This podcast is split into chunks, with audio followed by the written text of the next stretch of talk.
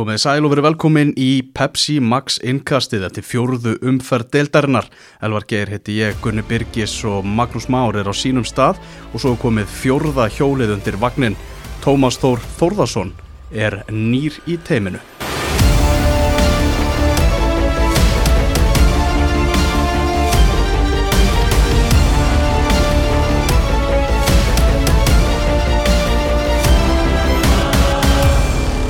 Velkomin til leik, strákar, ég held að það sé nú bara rétt að við hefjum leik í árbænum þar sem að fylgir tapaði 0-1 fyrir val í kvöld, eina markið á 50 mínútu, Orri Sigurður Ómarsson. Maggi, þú varst á vellunum, Já, hvernig var þetta? þetta var mjög áhugavert, var ég að sagt. Valsmenn hérna Það má segja að það hefði grændað út fyrsta sigurinn. Það var, það var ekki fegurinn fyrir að fara en, en hreint lag og sigur og það var það sem þurftu. Ég mun tala með í lokleik sem Valur að spila með fimm manna vörn á miðjunu Já. voruði með Sebastian Hellund með Hauki Páli eftir að Lassi Petri fór meitur út af fyrirháleik Þetta er kallast hjartavönd Þetta er tveir þannig fyrir framann hjartað í vörninni. Þú veist, það er varna sinna svo ekki sem meira sagt. Og fremstu var Kristinn Freyr, miðjumæður þannig að þetta var ansi varna sinna Óla Jó í lokin. En það skýraði líka sínu. Þeir eru unnið hann að fyrsta sigur og hann er gríðarlega mikilvægur upp á framhaldið að gera. Það er bara solis. Heyrðu, við ætlum að hérna, skoða eins byrjunarlið hjá val í þessu leik. Kristinn Ingi Halldórsson, Tómas, mættur í byrjunarlið, fremsti maður, ekki hóp í síðasta leik, allt í hennu í startinu núna. Það var svolítið svona back to basic hjá Óla Jó. Já, sko Óli Jó er hérna frábær þjálfari en það mér fannst svona fyrir þennan leik og maður svona búinn að spá því að, að, að það var, þetta var alltaf að fara að verða back to basics leikur. Ég, hérna, þetta var kannski aðeins meira enn í hjælt en samt ekki. Mér varst mjög auðvelt að að spá því að hérna, ég hættir undar að árinni, sérst, náttúrulega gegin í hann verið upp á topp held ég að það hefur verið í bóði en síðan, þú veist, stinni, já, maður gæti alltaf giska á Andri Adolfsson var að fara að byrja og hann myndi svona, og, og fyrst að, að Siggi Lár gæti byrjað, þú veist, hann var bara að fara í meistara liðið sitt eins mikið og, og hann gat af því og nánast hvað fyrir utan svona ef við tölum um leikmennar sem eru veist, ekki, ekki markverðir þá veist, eru hann hvað er ekki 10, 9 af 10 bara nánast öllum stundum inn á. Eru leikmennir sem hafa gert þetta áður fyrir hann? Þú veist, uh, náttúrulega er þetta sem kemur hérna jú, þegar Lasse Petri er farin út að náttúrulega kemur hérna kemur Byrnisnæður inn á og Hellund spilaði náttúrulega líka á miðinni fyrra. Og náttúrulega líka svona kannski raðaði svolítið hjá Óla í dag í restina upp og því að veist að Kristinn Ingi þú veist fór á velli og það var ekki vantaði að og vantaði, frammeri á svona sko. Vantaði einn að- hlutan hóp eða tveir var- já, já, já, það er eins það kemur. Heim með þú veist Kæli og uh, spilar ekkit í, ekkit í dag og, og hérna þú veist það átti bara að finna bara þetta vals svona sko fyrst, svona fyrst fremst svona vals spilamenn skona Já, ég meina- fyrst, fyrsta hálftíman 35-40 minnir í þessu leik ég er bara svona eða fyrri hálfleikin þá var þetta bara þetta var bara krús fyrir valsmennina sko. Fylgismennir voru ekki bara þeir tók í þátt í þessum leik sko. Nei, nei. ég er ekkert að segja að Valur hafi eitthvað silt í einhverjum dauðafærum og þannig en þeir voru bara miklu meira með bolta en það var þú veist Bjarni og Siggi voru bara að gera grína um á vinstri kantunum eins og það gert á alltaf áður. Einmitt þetta var bara Valur eins og við þekkið þá. Mm -hmm. En, en, en hins vegar í lokin, þá, þá fór þetta snúast við sko. þá fóru fylgismennir að þjarma ve- hressilega. Þá sáum við Já. að þetta valslið meiri segja þessi sko mestaragæðar sem eru búin að veist, pakka þessu öllu saman hérna undanfærin tvö ár að auðvitað eru þeir mannlegi líka. Já. þeir voru bara, var bara komin skjálti í hnénaðum og fylgismennir skoruðu náttúrulega? skoru, Þetta var ráðstöðu. markandi af Hannes með eina ég var svo ekki í sérstakri stöðu til að hérna, sjá þegar hann varði hotsputuna en það virkaði algjörlega geggjuð varsla hjá hann hérna, Já. sk ekki skalli jú, jú, ég var svona hálfpartin farin ég var að taka þetta 120 metra færi sko. Já. að, hérna, en þú, við sáum það alveg þeir voru bara drullu stressaðar í restin en að koma boltum í burtu og, og fylgismennir hefðu mátt gera miklu meira í raun og veru í endan til að, hérna, til að ná henni svo jöfna marki og svo fögnurinn í leikslók ég var svona akkurat í sjónulínu Já. við bekkin og bara ég held að Bjössi ætlaði eitthvað out of body experience sko bara þegar loksins flöitaði af sko því að þessi þrjú stig voru hjút svakalegi dagar sem hafa verið núna hjá valsmönnum og ég var að fá hérna frá Kristoffer Jónssoni sem að skrifa um leikin fyrir okkur að, að bara Óli Jó neitaði að svara spurningum um Gary Martin eftir leik, hann sagði bara ég nenni ekki að tala um þennan mann sagði hann í grófaru tón heldur en ég er að segja þetta núna. Já, en það er þetta mjög fyndið að hann býr alltaf til fréttinnar sko. Mm. Þetta vill losna við þennan rándýra uh, fræga og svona hvað var að segja, litríka framherja sko. Veist, síðan vil hann ekki svara fyrir það þegar að hann verður eftir að hann vildi losna við hann eins og það sé ekki fréttir sko. Já, þannig að, þú veist, svolítið típiskur Óli Jó þar verður að segjast. En hann er greinlega búin að fá bara, Gunnar, bara upp í kók af Gary Martin. Þetta er, hann segir hérna í viðtalinu við fjóra þrjá þrjá þá segir hann, ég er hérna uh, hann passar ekki leikstil hann, hann svona talar um það sem er búið að tala um svolítið lengi. Þetta er eitthvað meira, þetta er bara hversu erfiður Gary Martin er og hvernig hann er utanvallar Já, ég hugsa það og, og svona með það sem maður hefur heyrt að hlýðarenda þá náttúrulega er þetta ekkert nýtt í raun og veru, þetta er bara Gary Martin að vera erfiður og hann er það, ég meina þetta er náttúrulega bara gaur með svona, hann er að koma með ákveðin karakter með sér. Já, já, og hérna, Gary Martin, Martin er meira en bara fótboltamaður sko. Maður hefur, hefur á tilfylgjum að hann sé að fíla þetta umtal Já, já, ég hugsa, ég hugsa hérna, ég veit nú svo sem ekki, ég meina ég held að sé nú ekkert hægt að hækka vermiðan á honum hérna heima fyrir en, en ég hugsa að hérna, það verði ekkert mál fyrir hann að finna sér nýtt félag í júli, það er bara spurning uh, hver er tilbúin að borgunum, já nálægt þessum launum allavega. Og hvort innanlandsflýðu akkur er í gangi upp? Jésús, almáttugur, ekki láta mig byrja. Guð minn góður. Ég fór innanlandsflýðu Nei, ég meina, hey, Ég fór þetta er, daginn er, Þetta er mjög þægilegt sko. þetta er, þetta er nefnilega held ég, sko, ég er ekki að segja að þetta sé almennt hugafar, en ímyndið ykkur samt stöðuna, það er alltaf verið að tala um eitthvað hérna, með liðutan á landi að það sé fyrir að hrúa á einhvað útlendingum og eitthvað svona, veist, ímyndið ykkur með hérna, einhvern átjónara gutta sem þekkir ekkert annað heldur en bara vera hérna nýri miðbæ og voða stutt í allt og stutt í smáralendina og eitthvað svona, það er bara drullu erfitt að fá leikmenn norður. Og þegar Gary Martin er farin að neyta því út af því að kærastannars getur ekki farið í 40 mínúna auka flug norður á Akureyri Ég held verðindar að Gary Martin hef ekki spurt kæristunum sína að þessu svona hvernig henni litist nú á annars, innan, just, annars ágætt innanlandsflug hjá okkar mönnum í Air Iceland Connect.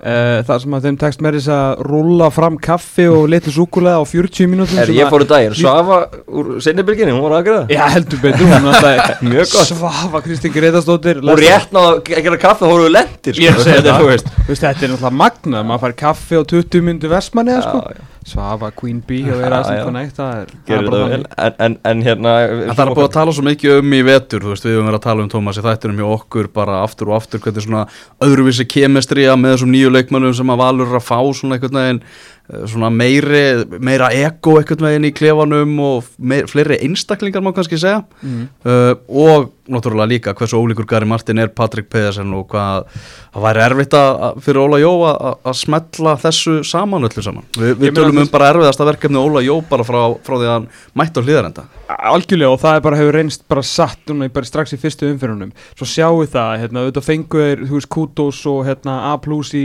flestum hérna engunum fyrir þennan leikmannaglugga sinn. Og það var svo sem ekkert annað hægt að þeir keftu bara heimin og jörðu og allt þar á milli. Mm. og þú veist, rosalega góða fótboltakalla en síðan kannski á endanum þú veist, þegar á endanum komið þá sjáum við að þetta eru meiri einstaklingar heldur en heldur en liðseld það sem hefur náttúrulega innkjent þetta valslið er er gríðarlega samheldni og svona þurfa að veri svakalega mikið lið á sama tíma og þurfa að veri með þú veist rosalega gott lið líka og með geggja leikmenn ekkert bara inn á milli heldur en í, heldur í öllum stöðum. En sjáum bara þú veist ef pælum með þessi þessu hann er að þú veist, sópa hérna flest þú veist Kælegur á bekknum og þú veist það er engin Emil Ling og Gary Martin er bara hefust heimi í Arnarliðinni bara eh, ég sá hann á vellinu með það Nei, nei, nei. Ég er svo ekki kíkt á Instagram Þannig að þú veist, ég veit ekki hvað hann ég var eiginlega 100% vissum að hann myndi lappa þú veist taka eitt snúning svona fyrir fram að myndaöluna sko til að fá mínúti í Ég svo Garðar Bergmann samt, hann var á Já, vellinu En sko ok, Hann farin í þegar að, hérna, sáum að Kitty kom inn á. Kitty var svona 60% skilur í dag Mhm. eftir að hann kom inn á. Já. hann var samt, Frábært að fá- sjá hann aftur svona snemma. Ég bara þú veist, það sem hann maður sá alltaf hvað hann var að fara að hugsa. Já, já og, og hann vantar bara nokkara leiki viðbútt til að komast í stand. Siggi Lára komast í gang. Sigil Lára komast í gang. Þannig að hvað gerist þegar Kristoffer Sigursson er raun heill? Mhm. þá verður Lassi Petri settur liðar og þetta verður bara sama gamla góða miðjan Einar Karl, Haugur og Kitty Siggi verður út á vinstri og þetta er svona, þú veist, það er jú náttúrulega kannski bara átt um hægri kantinn áfram einhverja þessum nýju köllum færa, færa neinin, Andri Adolfs verður bara þar. Já, meittur út af í kvöldir þetta Mhm. Birnir með geggjað einhvernum Já, hann svona áttu sér fína þetta. Finnst hann vera bara mjög flottur. Afturlæg og hérna, ok, þú veist, þá ertu bara komin aftur í liðið og þá ertu búin að taka þessi, sko þessi multi-þúsund evru kaup, skilur og samninga gerð og bara, þú veist, að taka leikmannagluggan hjá val svona nánast og bara svona setja hann og fleka eitthvað út af hafsöga, sko. Já, mikið náttúrulega að tala um Gary Martin en Það er alveg ljóst að, að Óli Jó hefur ekki trú á því að Garðar Gunnlaugsson geti gert það fyrir liði sem hann svona vonaðist eftir í upphæðu þegar hann fekk hann. Hann er bara að fá bara örfá á mínútur og hann var skilin eftir utan hóps í, í kvöld. Já, ég Já, það, það er mjög skrítið eða, veist, ég veit svo ég ekki alveg við hverju var að búast frá Garðari hann er svona kannski ekki, þú veist, ef, að, ef hann talar um að Gary Martin hendi ekki leikstilum þá held ég að Garðar Bergmann hendi þeim mun, minna leikstilum ef að það er ástæðan sem að, Já. Garðar Bergman Gunnlaugsson hendur þessum leikstil sko 100% meira heldur en sko Gary Martin af hverju er Er Óli hann Jó, ekki meittur eða?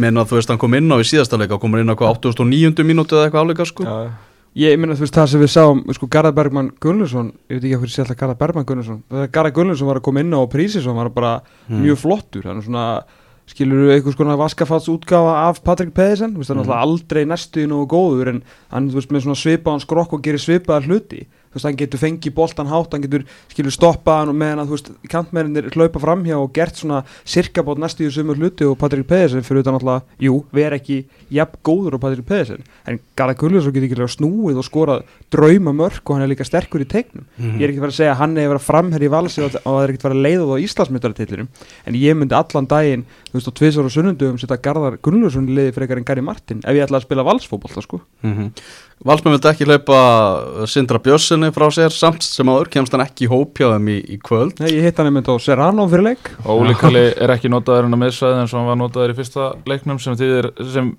setur svona spurningamerki hvar ætla hann þá að nota Kalla út af því að hann sett hann heldur ekki í senderin í lokin þannig að Sko, Sigur- Lassi Petri meiðist og Sebastian Hellum kemur inn og en ekki Óli Þar hefði til dæmis verið svæði fyrir Sindra Björnsson sem að fekk já, eins og þú segir, þvert nei uh, hingað, hérðan væri engin að fara. Já. Mm. En ég sá ekki betur en að það er er að kann rosalega svona leiðilegur ef, veist, ef ég hef verið afgjörslu konan á Serrano þá hef ég hrækt í baðina sko. já, ég ætla ekki að vera hissa sko. Nei, hann var voða eitthvað svona Ei, passa Það Já, já, hann vil Aðeins meira þessu. Já, já, já, já. Þannig, kunni. Var rosa mikið þannig. Og þegar það var sett kostar auka, fór hann að rífast þegar hann hafa það Nei, Nei, hann baði um auka auka og Já, hérna já. svo bara let hún að fá auka. Svo ripnaði tortíðan og var eitthvað Þetta er ekki þér að kenna. Ég var svona vípa En það var hess. Já, er áfram, áfram í val og ég er saman því. Hann, uh, hann hefði bara getið komið inn á í kvöld ef, ef hann hefði verið, fekk hann hellut hana Þetta hefði svona verið leikur fyrir hann. Ég sko miðjan var hérna bara Þetta var eins og bara einhverjir múrar hérna á tímbili Þetta var Einar Karl Einar Karl var hérna í tíunni Já. með Haug Pál og Sebastian Hellund fyrir aftan sko. Og Einar Karl er ljómandi fyrir fótboltamaður en kannski viljum hafa hann aðeins aftur á vellinu Mhm. Þessi gluggi sem maður bjóst við eitthvað en maður búin að heyra að það getur jafnvel bara þrýr leikmenn vals bara farið, þrýr fjórir Já. jafnvel og svo getur komið tveir í viðbót inn í liðið og eitthvað en síðan bara gerðist ekkert á endanum, Ma- Gary það Martin er ennþá í val og Eitthvað af þessu var nú bara til að held ég að hrista þessu upp í hlutunum? Er þetta ekki Óli Jó að alveg að leiða fólk, jú, jú, jú, jú, jú. Allt í, allt í, það allt í mínus. það voru jafnvel kenningar um það að Gary Martin myndi bara byrja leikin í kvöld og það er, hefði bara væri bara leikur Verið frá já.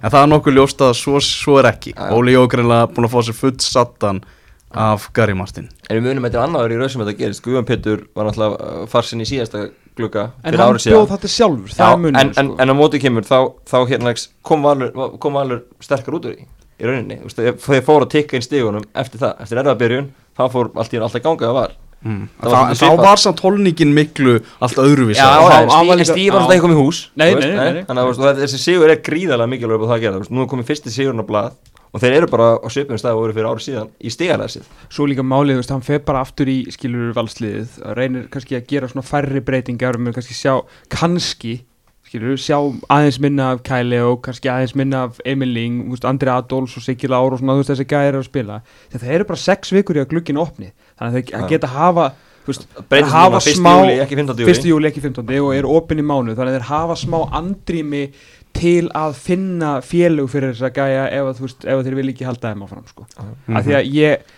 ég get ekki séð með nokkur móti að Kæli og uh, Emiling og Lasse Petri klári og, og alls ekki Gary Martin klári tímbili þá er annað í því ég held alltaf að kemur nýr sendir á myndi að loka Ég held nú bara að þegar Óli setti þetta í ganga þá væri hann með eitthvað í hendi Já. Ég bjóst bara við að ég beið bara eftir tilkynningun um að það kemur einhver alvöru sendir Já, en verður það ekki bara samið 15. júni og 1. júli fyrir leikamöld, einhver gæði ég geti alveg sér það gerast hvað sérðu? það komið ný sendir 1. júli til vals Jú, ég, hérna, ég veit ekki, sko, maður heyrði Fyrir Európu reynuna og allt þetta maður heyrði eitthvað þegar hefur verið að senda hérna, sína menn í, í Danmörku að leita bara, veist, henda bara eldúsvarsnum í hann sko, en svo veit maður ekki hvort að það er bara sitt saga sem var bara þægilegt að búa til að að hún meika mjög mikið sens í umræðinu sko. Já. Mhm. Eitt með hann glugga bara óanað með KSI sem að gaf bara öllum frí eru að, þú veist, glugginn loka á miðnætt í gær á Englandi er alltaf verið að peppita upp og eitt svona skemmtilega sér dagurinn er deadline day það var bara skellt í lás bara og allir komin heim um kvöldmatt hjá, hjá KSI fúsbólmóti var búið hálf fjúr svo mættu menn bara eitthvað, þú veist, um tíu leitið og byrjuðu svona að matla inn félagaskiptunum í allan dag, sko. Þetta var alveg, þetta tók allt úr svona þessum gluggadegi, Já. sko. Já, líka bara óþægild fyrir leikmenn og, og svona annað sem er að skipta í félag. Að sjá þetta ekki sé ekki klárt, þú veist. Fara kannski að ágjöpbyttu, okkur er þetta ekki komið í gegn og annað, þú veist. Skrifstofunni á KSI hefur aldrei verið stærra en það var núna. margir verið að rífessa í gerkvöldi Já. skiptin. Ég skil þetta ekki, sko Að er fullt að leikjum í nokkurinn deildum í dag Já. og veist, leikmenn sem að þú veist, þjálfari vill vita allavega kannski ára hann að leggst á kottan hann er að fara að nota hann á morgun sko. Paldi hvað hefur skemmtilegt að það hefur verið bara á KSI.is bara í gær, bara counter bara þetta marg, mörg félagaskipti komin, dú, dú, dú. Og þú veist, búa aðeins til einhverja stemmingu kringum við það Já, en náttúrulega, þú veist, þeim til uh, einhverja varnar varandi það er náttúrulega, eru þeir ekki fjölmiðil, sko? Nei, nei, Nei, nei, en þeir eru upplýsingar síðan og þeir hljóta, það lítur að vera í HKSI að það sé stemming í kringum Já, fótbolta e ekki spurning, sko, ég kannski Já, veit já. ekki alveg um, þú veist, counter og blöðrur en ég hef samt alltaf verið með mann á vaktinni Já, til að það keira inn sko. ég, alltaf mann til að keira inn nýjustu félagskiptin Já, þannig að miðlar eins og fótboltubunnet sem tekur skiluru, með þess að voru... skiluru eitthvað fyrir elliða að það dett inn, sko. Já, já, Þeir, þeir voru náttúrulega að live tweet á Eurovision, sko. Er hatari var að komast áfram sko. þeir, eru, þeir blanda sér í mörg málefni sem að sko oft komaði mikið við. Og þeir eru ógeðslega góður í afmæliskvæðum Já, frábærið þeim þeir eru alveg, þeir rokka Þeir eru afmæliskvæðum betri en Reykjavík síðdæðis í afmæliskvæðum, sko. Já, en, en kongarnir í afmæliskvæðum eru náttúrulega í bítið Já, Það er taka bara allan Facebook-lista sem, Já, svo var það Siggi Frendi, hann hérna eitthvað svona, Þetta er geggja dæmi. Hvað er þetta um fylgislið eftir hann að leika á stöðt, Gunnar? bara komur á óvart að þeir skildi ekki reyna eitthvað mæta óörugu valslið herra uh, og í raun og veru leifa þeim að koma sér svolítið inn í leikin bara af sjálfdaðum þú veist, þeir fengu í raun og veru að spila alveg frjáls með boltan hann aftast og fengu að færa sér svona hægt og rólega fram úr eins og við höfum verið að sjá val gera. Uh, já, það var raun og veru svolítið það bara að, að þeir skildi ekki nýta sér veikburða valslið Já. Ía vinnur FH 2-0 í, í gær. Uh, Byrjum aðeins bara á svona agamálum FH-inga sem að Pétur Viðarsson fær hérna rauðaspjaldið. Þú varst nú í algjörlega í, í eldlínunni þar Gunni. Uh, síðan náttúrulega átti Gummi Kristjáns líka að fá rauðaspjaldið í þessu leik fyrir fáránlegu viðbröð þarna Pétur Viðars var náttúrulega bara að reyna nánast að fá rautspjald í síðasta leik. Það, það er svona stutt í suðupunktin hjá F-fáingum uh, Já og svo líka, ég meina, þú veist líka bara mikið af algjörlega glórulegsum ákvörðunum, ég meina eins og Brandur Olsen á móti vikingum uh, á guðlu spjaldi að henda sér í tæklingu, Pétur Viða síðan þarna Gummi Kristjáns í þessum leik, bara algjört aga leysi og hugsuna leysi út af því að veist, það er líka það sem að komi mest á óvart og ég eh, bara, þú veist, ég gafti bara þegar ég heyri Pétur Viða segja þetta út af því að þetta var bara, það, þetta, þetta var spurning um eina hotspilnu eða eitthvað á 70.000 mínútu eða eitthvað svoleiðis, þetta var ekkert eitthvað víti eða eitthvað svoleiðis, Hvað sagði Pétur Viðarsson við aðstöðdómar? hann spurði hann hvort hann uh, væri fokking þroska eftir. Ah. Kom svar? Ég heyrði það svo sem ekki, þeir eru náttúrulega með samskipta búna þarna á, á milli og hérna, þó ég ég- hafi verið nálægt þessu þá heyrði ég það ekki. En En, en, en sko, svo er bara nanosekunda sem að líður og þá er Pétur búin að rífa upp rauðarspjaldi sko, þannig að þú veist, það var aldrei í vafa að hann var að fara að gefa hún rauðspjald sko. Öskraði Pétur þetta? Já, hann Já. öskraði þetta Hann En öskraði veitir þið hvenær það er rautt spjald á FH? Þegar enginn segir neitt Ekki sko Pétur Viðarsson mótmælt ekki einu sinni, sko. Já, Já. já, já, Hann bara já. svona Hann ætlaði að fara upp Svo og bara, hann bara út af. já, Og enginn í kringum hann Mm. Og hann bara svona Þetta var eitthvað svona Minnstu serimóniur í kringum rautt spjald og FH sem ég séð Já. Það- Það, eru tíðindi. Það er nefnilega tíðindi sko. Já. Líka bara uh, galið að Pétri að setja liðsfélaga sína í þessa aðstöðu. Ekki það að FA hafi verið frábærir en þeir voru þó allavega fannst mér að, að, það, þeim óks ásmegin í setniháleik sko að því leitinu að þetta var nú svona þetta virðist vera svona gömursáin í hjá í að þeir eru alla snertu boltan í setniháleik og svo kemur einn kúla frá átna upp völlin og, og fram völlin og, og þá kemur mark, geggja mark. Mm. en þú veist, ég meina FH hafði samt, þú veist Haldorari sleppir hann í gegn og ákveður að henda sér niður í staðin fyrir bara að reyna að klára færið eh, og reynir að dýfa sér og, og fá víti uh, Jónatan Ingi á nokkra krossa á brand sem að er nálættið að klára uh, þannig að þú veist það var ekkert rosalega langt á milli í þessu en fyrir Pétur og svo síðan fyrirlegan Gu- Gumma Kristjáns að, að bjóða hættin og bjóða syndin í kaffi Já. mér að- bara galið sko. Pétur Guðmundsson gaf, guldspilt Ég skil heldur ekki af hverju voru svona tens Þú veist, þeir eru nýkomnir úr, úr sko. geggjum segri á Mhm. móti, hérna, móti káa, umtalið er bara gott, svona sirkabót búin að finna sitt lið bara svona allt einhvern veginn miklu betra og svo, þú veist, eiga að fá og fá í raun og veru eitt og hálft raukt í leiknum sko. Já, Já, þetta var eitthvað rosalegur, rosalegur pyrringur Vignir Jóhannesson náttúrulega í markinu og hann verður í markinu núna næstu vikurnar þar sem að Gunnar Nílsen er uh, fjárverandi á skalunum 1-10, hvað fær Vignir í engun, Gunnar? wow uh, hann gatt svo sem lítið gert í þessum mörgum en, en mér fannst hann ofta á tíðum virka svolítið óurugur þegar þið voru að spila á hann. Og veist, þetta er bara eitthvað svona 7-5 eitthvað. Mm Mhm. fínt fyrir markmann sem að fer á sér tvö mörg bara eða ekki? Hvenar hættir Skaga lestin sem að er bara búin að vera á þvílíku spanum ekki?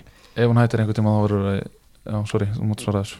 Þú, hættir einhvern tíma, það er bara endalust Ég, ég menna, ég sé enga ástættir að hann fara að hætta eitthvað á næstunni Þú veist, það eh, Getur í að fara í, í barðum titilin eins og þessi deild er búin að vera förðuleg og skrítin? Veistu hvað er næstu leikur við í það? Já, Breiðablik. Já, uh, já þeir, ég meina, ef við haldum að spila svona af hverju ekki? Með hvað stildin er fyrður þá. Mm. ef með hvað hinliðin er að hyggsta og tapar Já. stegum, ótrúlustu stöðum Mm. þá, ég menna af hverju ekki?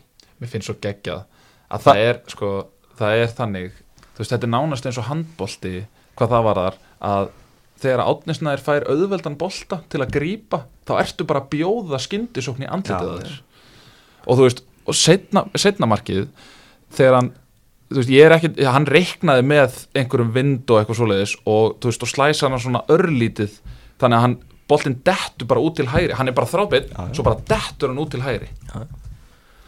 Finnst þetta- mér finnst þetta magnað sko, mér finnst þetta bara geggjað. Sendinu er að Vittur Jóns meðist ekkert mál, vinna bara að fá val Já, Og þar kemur þessi ungi strákur, áframhalda ungu strákan þeirra að skína. Þetta er nú strákur sem þú þekki vel, Bjarkistedt Bjarkason, Maggi, úr Mósesbænum, sonur Bjarka sig, handbólta góðsagnar. já, já. Hvað hefur þessi strákur fram að fara? hann hefur uh, gríðlega góð tækni uh, fljótur, kvikur og mjög ná boltanum að honum getur leikið á menn og, og svo er hann bara með fína skotæni líka Mm. hefur verið með lengi í hérna spila hann, hann Er spila eitthvað fleira sem er hægt að hafa í fótbolta? nei, menn ótrúlega humble náingi líka Já, bara já. topp maður Algjör liðsmaður já, hleypur mikið og hérna og, og hann getur tekið gríðlega framförum undanfæran ár og, og það sér þannig sem ekkert endur verið endan á því sko. hvernig hann tekur setnamarkið í gæri er alveg magnað sko. Þa, Það var svona annað þrepp fyrir hann, fyrir, fyrir mig sko. Já, svo er horfa á hann í- bara já, bara, er bara búin að horfa á hann í alla vetur og bara búin að vera gjörsamlega geggjaður ég hef ekki séð annað eins bara kraft í ungum manni í rosalega langan tíma og það, er, veist, það eru fullt af strákur sem geta hlaupið rætt og sumir eru meira sem er vöðva og geta veist, hlaupið jafnvel í gegnum en en að tengja þetta með þessa boltatækni geta krossað, geta skotið tæma hlaupin og teig drullu snjall í höfðinu að koma með rétt hlaupin og tegin og, og svona klára einföld færi, getur líka skorað fallimörk sem fengum meila sko bæði það sem er að segja í gær bæði þannig að klára þetta stuttufæri og svo þetta, þetta sláin innmark í gær sko. hann er bara, hann er gjörsalega geggjaður ég átti ekki orð þegar Jói Kæli var ekki með hann hann í byrjunleginu í, í byrjumót sko. já, já. en Já. það, það, en hann var líka fljótur á hendunum eða ekki út á síðast tímbili hann spilaði ekkert alla leikina nei, nei, hann spilaði alveg var ekki bara- hann var svona hann var meir, bara svona meir á eiginlega. já, hann bara var maður í fyrra en, en hann bara tekið þvílíku framfyrir. Já, já, og hérna en líka bara eh, með, aðeins áfram með þetta skagalið að tjöfull myndi ég ekki nenna á þú veist senustu 20-30 mínútonum að vera varnamaður að elda þess að gauðra fremst. Uh, Tryggvi, Samoran og Bjarki og svo geta þeir hent inn bara það er nánast hvað, sama Steinar hvað Já, að gera frábærlega. En Jói Kæli er að fara í sitt stærsta test já, í næsta leik. Já, já, það er bara lay back blix sko. mm, Ágúst á Gilvason nýju spáníu grasi Já, þú veist, hann er ekki að fara að bjóða upp ykkur dansa, alltaf að sækja á þessa gæja og láta svo Damir og Elvar vera ykkur um eldingarleik sko. En er það ekki máli? Er ekki bara þjálfarnir svolítið búin að vera að spila alveg bara kolrangt á móti þessu Ég- það, það er nefnilega sem kemur í ljós núna. Veist, auðvitað F og Valur veist, eru stærri félög í dag, miklu stærri Já, já. og hafa sitt stolt og, Káa hafa var að gera sína- dýrkjörn minnstu og gefa þeim örk Já, þú veist, það, maður svona þarf aðeins að leggja það en núna uh, í næsta leik þá er að fara í, í, sko, í Gústa Púst sem að setur bara á móti góðum liðum og hann er alveg búin að átta sig á því að ég er með mjög gott fótbollilið í dag. Já. þannig að þá þarf skæðin ég að vera meira með boltan þeir eru ekkert með boltanstrakar sko, ekki Nei, neitt Hvað er einstaklega, var 41 fyrir síðan Ég, hérna- Hvað var í gær? Þetta Ég er- hefði viljað sjá í setni hálfleik statið. Ég er Ég held að sko, það sé hægt að telja það er eftir, snerti eftir, eftir, eftir þrjárum fyrir Já, var ég að búið að vera með boltan að meðaltali 20 myndur í leik 41% 70% já, já. og þú veist, þeir eru bara, þeir eru búin að vinna F og Val og K sko. og, og bara Nei, tiltölulega- fylgisleikurinn í því þá já, já, já, fylgir ekki nýjasta leikin já. fylgir, Mm, fylgir leikurinn á, reyni sko. þetta er náttúrulega bara, þeir kýla þessi bara fram mjög direkt, Mhm. bara á sína bestu menn þeir eru ekkert að fara í eitthvað dútli gegnum miðuna þeir vinna alla setnibolta og náttúrulega, oft þurfa ekkert að vinna setnibolta því þess að 40 metrar pílu það er bara beint á. Bara þeirra bestu og röðustu menn skapa sér færi, geta hlaupið endalust bara þvílít beinskettu stíl veist, ef ég, ég er að horfa á lið eins og þú veist, fylgir í fyrra lengstu sendingarnir í deildinni hundlegilegt að horfa á þetta, skilur í fyrra, fint núna, en bara, veist, bara til að gefa ykkur dæmi sko skæin er að sparka lengra og með minna með boltan en það er miklu skemmtilega að horfa á það sko. Mhm. Fattur, það þarf ekki alltaf að vera leðilegt ef ef ef það er eitthvað pæling með hvert þú en- sparka já, sko. það, það er það sko, þú veist það er eitthvað pæling með þessu það er, þú veist, átni vissalega hvert hann ætlaði að setja inn í öðru markinu nei, í, í aðdraðanda annar markins og hver var það aftur sem átti sendinguna fyrir? Steinar? Já. Steinar, skilur kitt af hérna, Kristinn Steindors eftir í ríki út á kanti og setja hann svo bara fyrir Mhm. Jói Kalli er náttúrulega einn mest spennandi þjálfari landsins í, í dag alveg klála, hlutabriðun hafa hækkað all svakalega hratt í, í honum. Já, þau hækka ekkert minna hérna, ef hann veist, leysir það sem að Ágúst Gilvarsson er að koma mótið með honum í næstu umferð sko. Þa, það verður mjög, mjög fróld að sjá hvað hva gerist þar. En hann verðist bara algjörlega vera með þetta. Hérna, Hjörvar Háleðarsson sagði með sögun af því þegar hann tók við hérna, hákáliðinu. Það var bara einhvern veginn hérna, hann var aðstofþjóðlega reynið ekki um, Jú, tók með veist, og reynir einhvern veginn bara svona herru, já, ég, hérna, hann kveður einhvern veginn svo bara, wow, byrju hver á að taka við? Kari bara, ég græði þetta bara, inn í klefa og svo bara, hei, ég er með það og hérna, ég taka við eitthvað sem hefur mótið því. Og þá var hann bara komið klefan á svona 3,7 sekundum, þetta var bara svona svo formúlu pitstop og hann enda með að búa til grunninn að hákáliðinu sem er upp í dag sko. ég, veist, þetta er bara eins og hérna, Gauðið Þórðar sko, á sínum tíma með KRI, hann er veist, að berjast við degi sköpunarverk, sko. Mhm. Þú veist, að hann verðist bara gjössamlega að vera, vera með þetta, hann er með alla leikmenn að það í lóa sér og ég heldur endur að hjálpa ekki, fyrir, það er ekkit verra fyrir hann að vera með Sigga Jónsson sem að mennur vantalega sko getand og lóan og honum líka. Geggja teimi og veist, þetta er bara svínvirka og það, það er á meðan er. Og Mhm. í að bregðablík verður mjög fróðlegu fókbaltalegur Erum við eitthvað að fara að dæma FA og mikið úr þessum leik, ég myndi að fyrsta tapið er að þurfa ekki bara aðeins að skrúa hausin betur á, passa upp á þessi þú veist, að vera ekki að missa hausin á mikilvægum augnablikum og svona? Jú, bara og ekki spila hald eða þú veist, ég held að Halldóri sé bara ekki nægilega góður til þess að vera sendir nummer eitt sko. Mm. uh, mér fannst leikurinn aðeins breytast eftir að Jakob og Brandur kom inn á og ég hugsa nú að þeir verði alltaf í byrjunarlegin næsta leik. Uh, svo bara fannst mér vanta einhverja svona sköpunargliði fram á við. Guðmann átti ekkert spesleik hann var að reyna mikið á löngum boltum út á kantana sem bara voru auðlesnir og eh, auðvelt að díla við. Uh, Kristinn Freyr fannst mér vera svolítið að hæja á tempóinu miðs, nei hérna, Kristinn Freyr Kitty Stendors fannst mér vera að hæja mjög mikið á Mm. tempóinu og mér fannst Björn Daniel bara á allt öðru leveli heldur en allir inn á miðsvæðinu hann var að bjóða sig í hlaup sem að sendingin er síðan að koma alltaf seint og, og hann er að senda sendingar sem að bara, eh, þú veist, sjást valla í deildinni, þú veist, hann er bara mér fannst hann bara vera svona skör ofar heldur en allir aðrir hann Mm. Al Íslands byrjunarlið hjá þá, hvernig gerist það síðast nægi? Það er þarf að leta mjög langt aftur. Ég veit ekki hvað við erum að tala um bara ekki um aldamótinu eða eitthvað.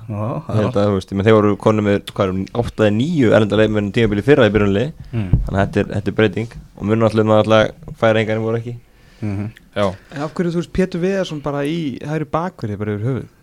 Já, Þú veist, ég næ ekki alveg þetta svona þú veist, á að vera svona sóknarlið og með svona einhvern veginn kannski var það af því að þeir eru að sparka svona langt og vildu fá þú veist, meiri einhvern veginn hérna hvað var að segja, meiri kraft í lofti og svona fleiri varnarmenn inn á fyrir það en, en einhvern, ég veist, það skrítið það því að hann er mögulega besti miðvörðurinn í liðinu sko. Mhm. Ef ekki bara öruglega besti miðvörðurinn í liðinu þannig af Mm. hverju er ekki besti miðvörðurinn í miðvörðunum hjá FH Það er Mjög góð spurning. Að þetta gerist ekki trætt þarna í kringum sko Guðmann og Guðmann sko. Nei. Vindum okkur á Eimskipsvöllin þar sem Víkingur Reykjavík tapar þrjú fjögur á móti stjörnunni. Og þurfulega þetta projekt sem er í gangi í Arnari Gunnlaugsinni umtalað en þarf uh, þetta, þú veist, er ekki hægt að spila betri vörn þráttur þú ætlar að spila svona skemmtilegan fótbolta? Uh, það er mjög erfitt að spila betri vörð þegar þú ert með lítið sem ekkert protection fyrir fram að þig. Mm. uh, náttúrulega sko varnansinnu miðjumennir eða spila meira svona 6, 8, 10 heldur með eitthvað 2, 6 uh, og veist þeir náttúrulega taka líka mjög virkan þátt í, í spilinu og ofta er hann ekki gerað því meður kannski þeir Díti og, og Júli sem var þetta flottur í gær Július Magnússon að hérna, veist, eins og hann missi þarna að gefa ykkur þversendingu sem að stjórnumenni komast inn í Mm. og sko eins góðir og Sölvi og Haldur Smári eru þegar hérna uh, boltin kemur bara inn í teig og þeir fá stand í lappirnar og veist, horfa fram að þá eru þeir ekkit sérstakir alltaf hlaupandi sko aftur og bakk að reyna að verjast einhverjum skyndisóknum með engan fyrir fram að segja hjálpa sér Mhm. sko það hjálpaði ekki að Dofri Snorrason uh, bara minn uppáðarsleikmaður náttúrulega frá upphæfi í Vikingi spilaði sinn versta leik frá því hann kom til félagsins Hann var algjör- umurlegur í hann var þessu algjör leik hörmung í þessum leik Þorsteinn Már Ragnarsson lék sér að hann Já, ég var einstaklega ósáttur við auðmíkjaskapin í þriðja markinu Já. það, var svona leikil mark og snemma í setni hálfleiknum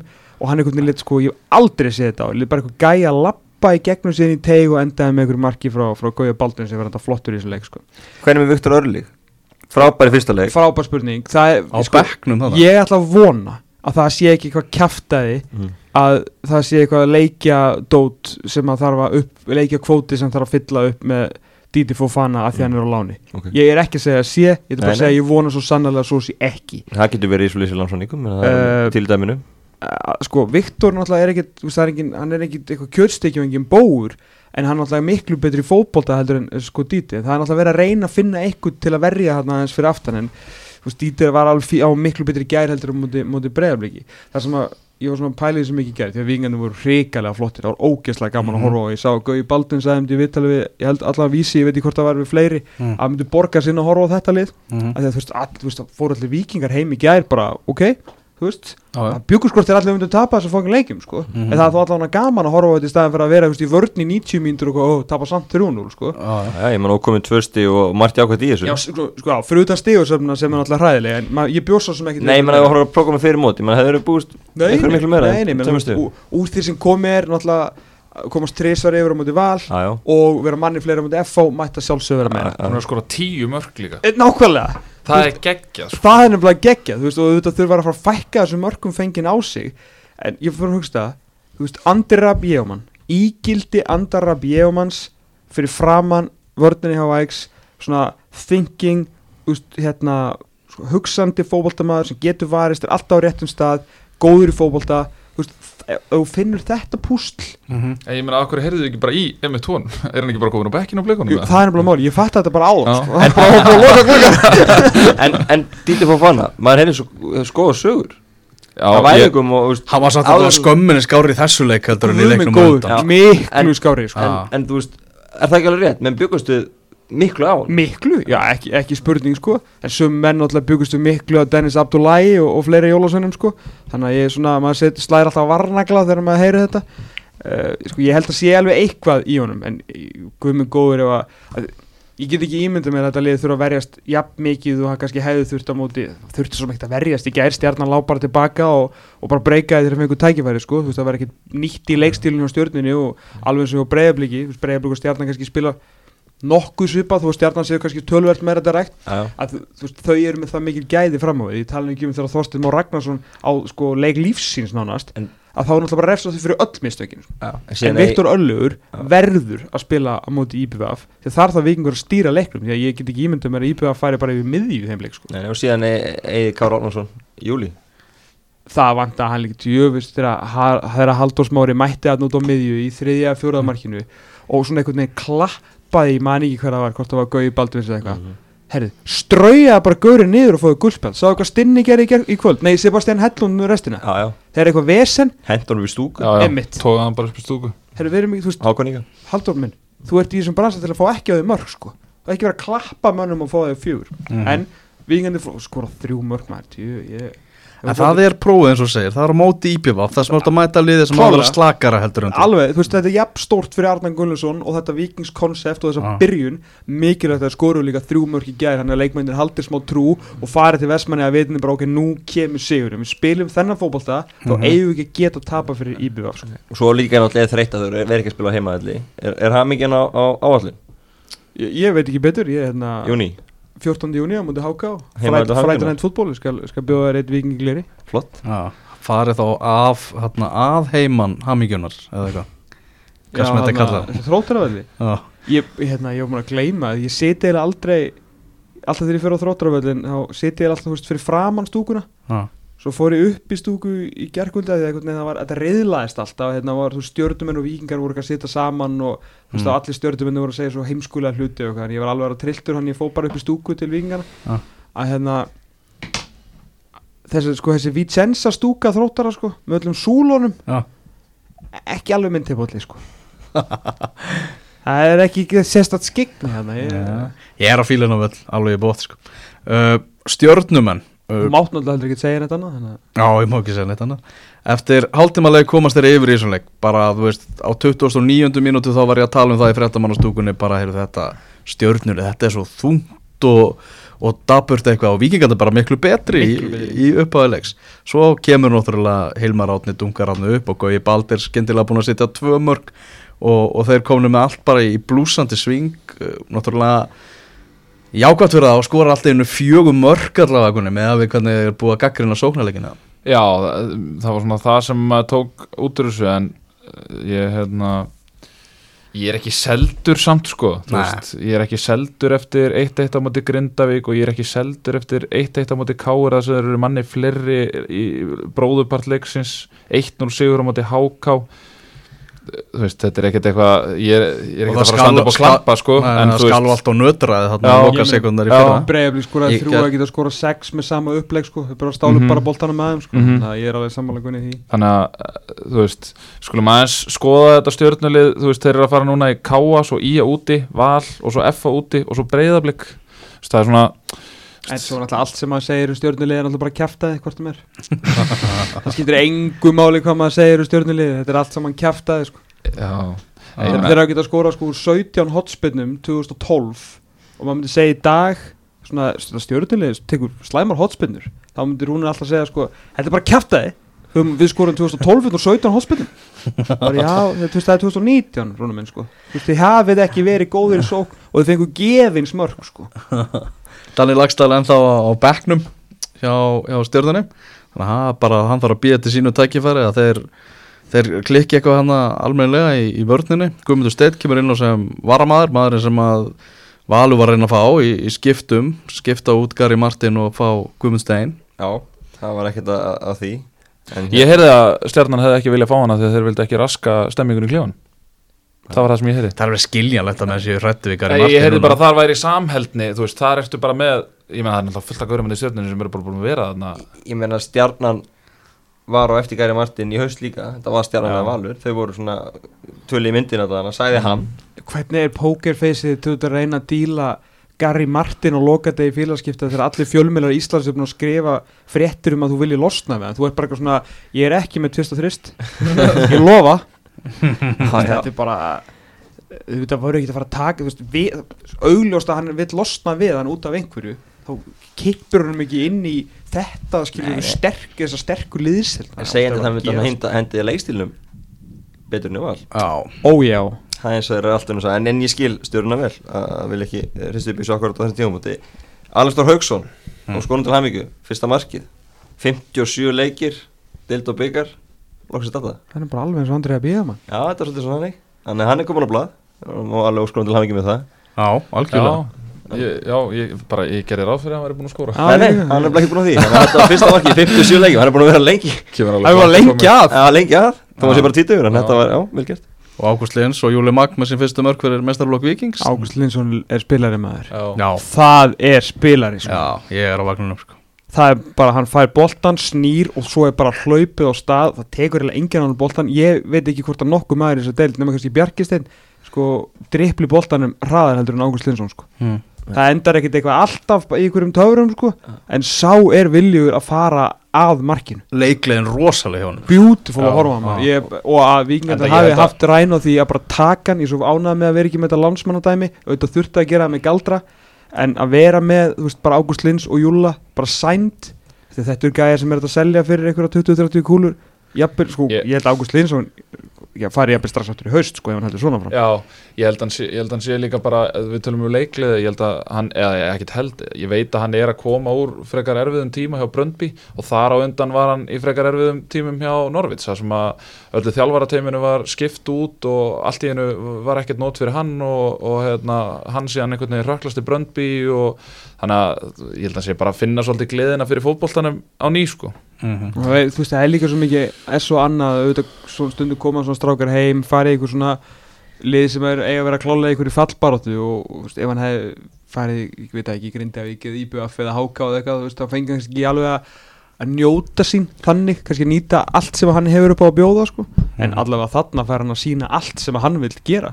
Mhm. þú veist, ef hann allavega bara alveg sem er Guðmundandra og Allar Hrafn og, og Júlla og allar þess að gæði, þeir fá að hlaup með boltan, senda, spila sóknarleik, haldónum, skilur Mhm. þannig að þú veist, ég held að bara henda honum ágætlega en ég skila að hann hafi gaman að þessu og það gjöss hann að skínur andlutunum Sjokkarandi úslit í Grindavík þar sem að Grindavík vinnur 2-1 sigur á móti K.R. í kvöld. Arnar Daði, nýjasti þjálfari gróttu í handbóltanum það, það var einmitt það sem ég ætlaði að byrja og það er engin miskun hjá ykkur á .net. Það er bara honum er hendi grindavíku bara. Um leið og hann er sænaður í grótuna Já, það er bara reik, Já, á, á, á, á sérfræðingin uh, Hann segir henni í skýslu senni fyrriháleikunni réðu úslitum K.R.inga voru afleitir í fyrriháleik og uppskáru eftir því uh, Markið sem Björgvin Stefán skoraði eitthvað K.R.ingum líflínu en það dugði ekki til bara K.R. leiði að spila hreinlega illa í Grindavík Það er leikur sem að liðan svo K.R. á bara allan daginn að vinna á móti Grindavík Já, ég meina það, við töluðum um krísu hjá Val hérna í síðasta leik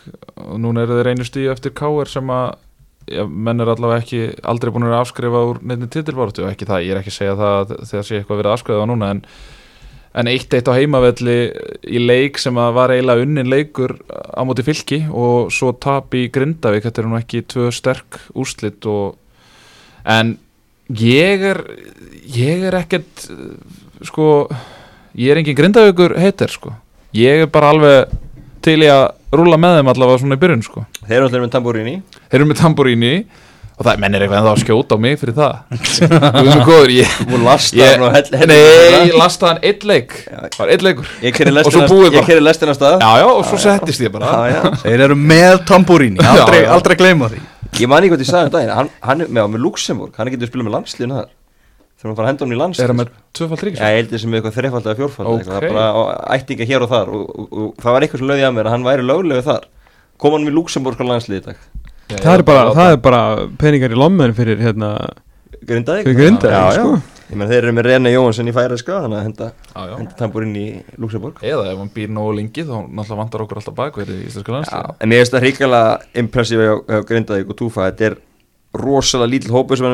Þetta hann með uh, Herman Ágúst Björnsson kemur inn á í kvöld. Hann var hættur í fótbolta á til desember.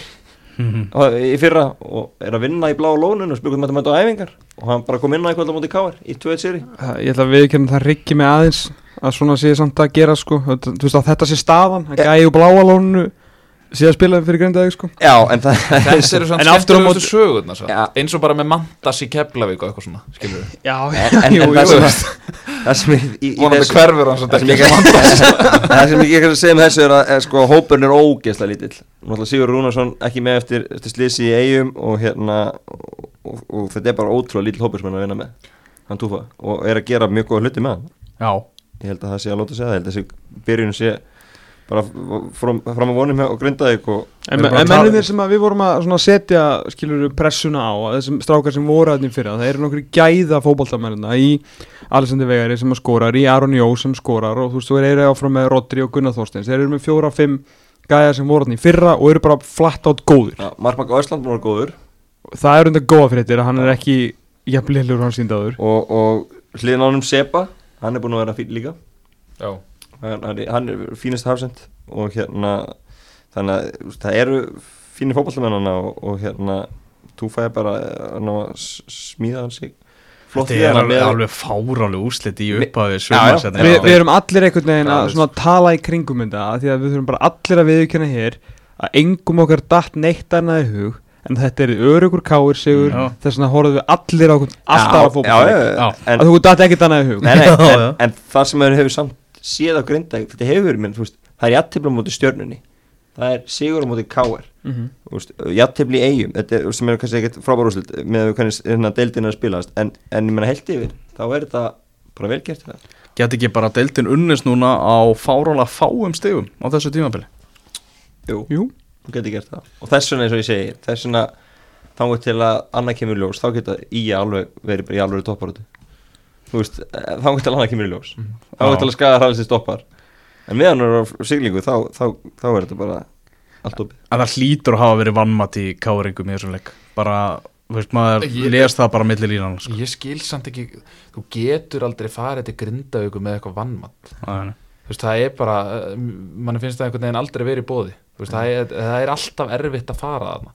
En þú veist ég veit ekki, kannski, jú, að því að þetta grinda ykkur liðið svona, kannski svona frekar óskrifa blað með svona mikið af nýjum leikmennum en þeir hendu, hendu ekki hollendinum á bekk, bekkin þarna, Já. en Jú, hann er þetta er um hérna, fjölþjóðlega menn, hann á búin að spila í einhverjum fimmlöndum og á ættir reykja með til einhverjum Já. hann, hann hérna er ekki ekki búin að vera góður nei, Gói. hann hefur ekki, ekki hrifið mig hinga til í mótinu ég hérna, he- held að grindingar hafa verið búið sem miklu meira honum. Og hann er búin að koma á bekkin því að Túf hefur verið frammi í kvöld. Mhm. Túf fekk víti í öðru markinu sem veist mjög váða sem er dómur.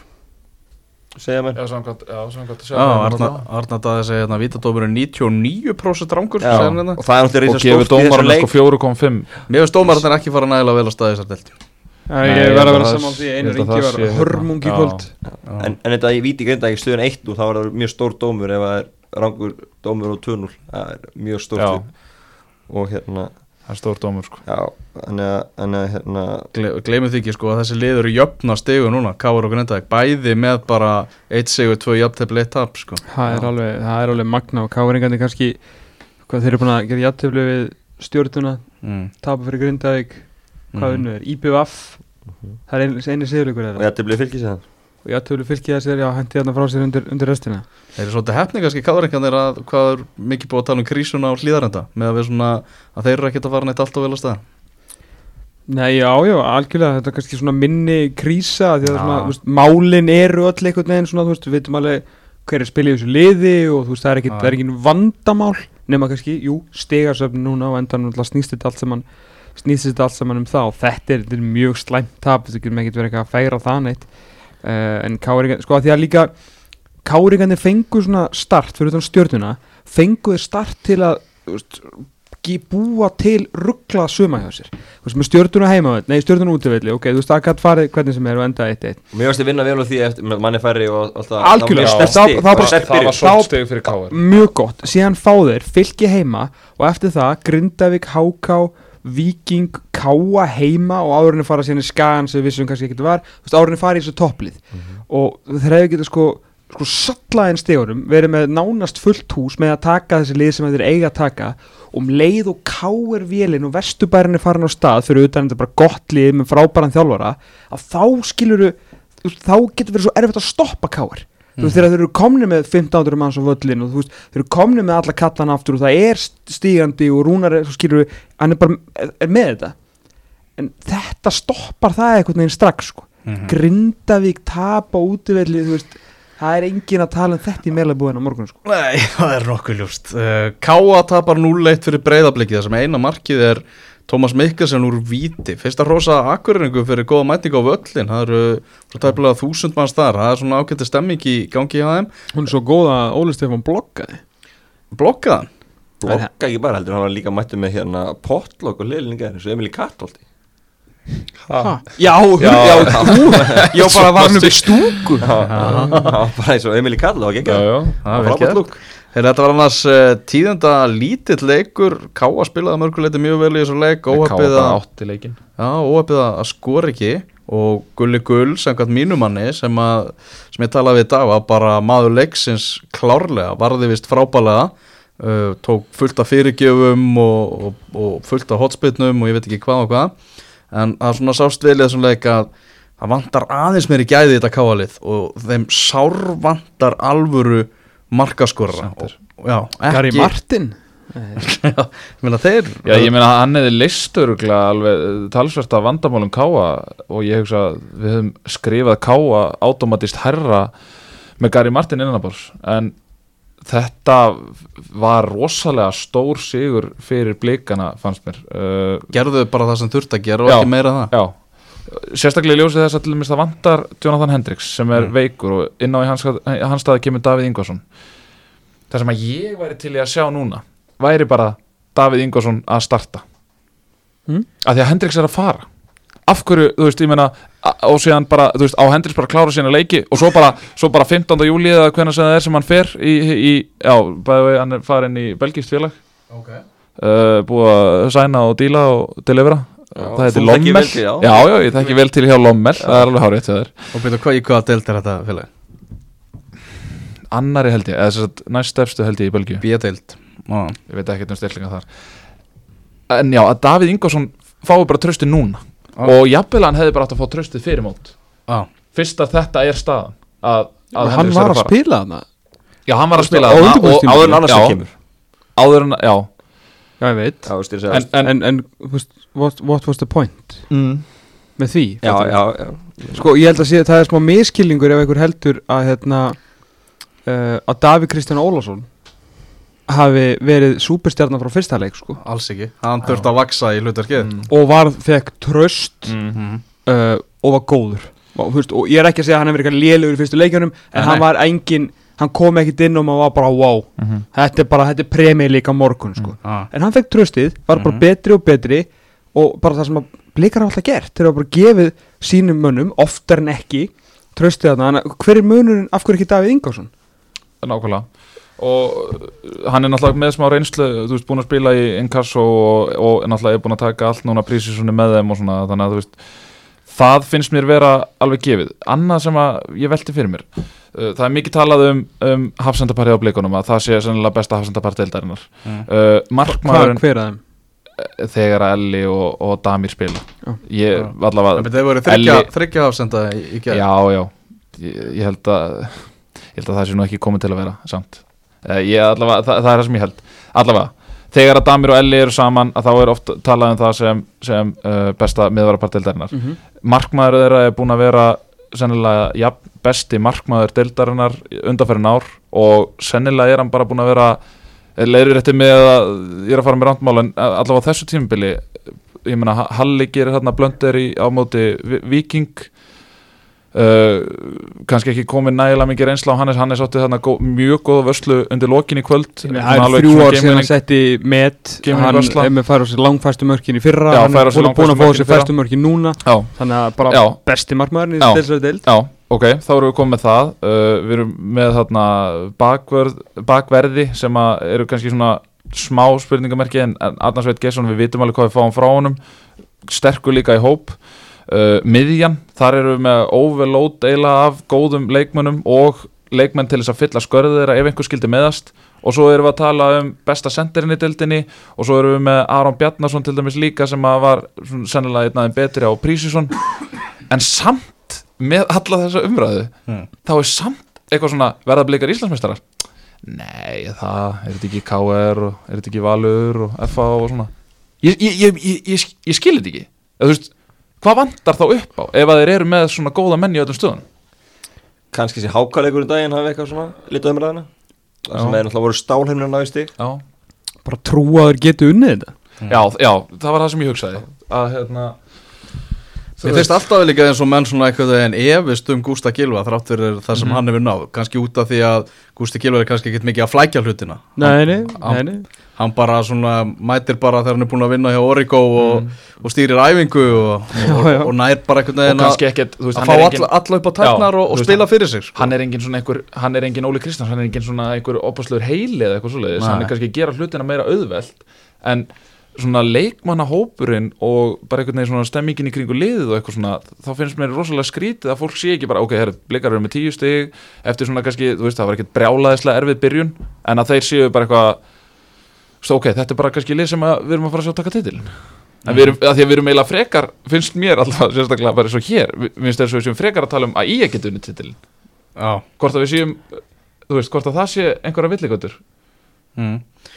Title Contenders, breyðablik, já eða nei? Ég held að sko, máli er að ég ætla alltaf að segja já. Þú segir já, kunni Ég með hvernig deildin er að fara á stað og þeir eru að spila og þú veist, mér finnst þeir ekki Títið bara hann er bara galopin fyrir út af það, mér finnst þeir Mm. heldur er bara- enda að vera búin að finna sitt sko besta lið, ég trú ekki að breyðablik stilli upp 11 manna byrjunliði sem á að heita þeirra besta lið á hans að andri að býja mann síði sko. þannig að það er það sem að, það er það sem að kannski, ég held að sé stærsta spurningum Já, þannig að þú veist, þeir eru kannski ennþá komni með öll þessi stig, búin að gera ágætlega. Þú veist, það var bara, þú veist, þeir voru náttúrulega ömurlegir í 85 mínútur á móti HK og náðu samt í punkt, sko. Fylgdu því eftir með að pakka vikingunum saman og, ná- og þetta var mjög gott líka, sko. Með allt svona móa, gústalegt og karakter í blíkunum og, og vel gert, sko. Uh, ég, ég held hann eftir að svona finna einhverja rétta blöndu til, a, til að svona kannski fara á okkar alvöru rönn en auðvitað náttúrulega með þennan hóp eins og þú segir. En svo er kannski líka það uh, sko var, var þetta, þú veist, vorum að tala um Davíð Ingarsson á hann að þeir eru vantanlega mjög meðvitaðir sjálfur um allt þetta sem þú varst að segja hvað eru marga góða kalla og þú veist ef það er einhvern tímann tími til að veist, hjóla á titilinn þú veist, varandi það að vera veist, að fá Arnarsvein Geirsson Ah. og þeir voru að leita einhverjum erlendu leikmann til að leita að leysa Davíð Ingarsson og alltaf tala um alltaf að fara í fjórða og fymta erlenda leikmannin sko mm. þeir kannski sjá sér bara að leika á borði bara núna, herri, nú getum við unnið þetta við erum alltaf að gefa ungum mönnum sensinni á okkur þú veist, núna kannski þurfum við einhvern aðeins betri og nú bara hjólum við á titilin allavega þetta ár sko. Já, þetta er árið til að gera það. Já, Viktor Karl Einarsson, hann byrjaði leikinn. Uh, Káamenn, ég er það svona ánæði með spilamennskuna en þeir þurfa að fara að sína það á töflunni að þeir séu þeir til að brosið verði, verði almennilegt hjá þeim. Já, á talandi gluggandegina held ég alltaf að kemur maður líka þar. Já.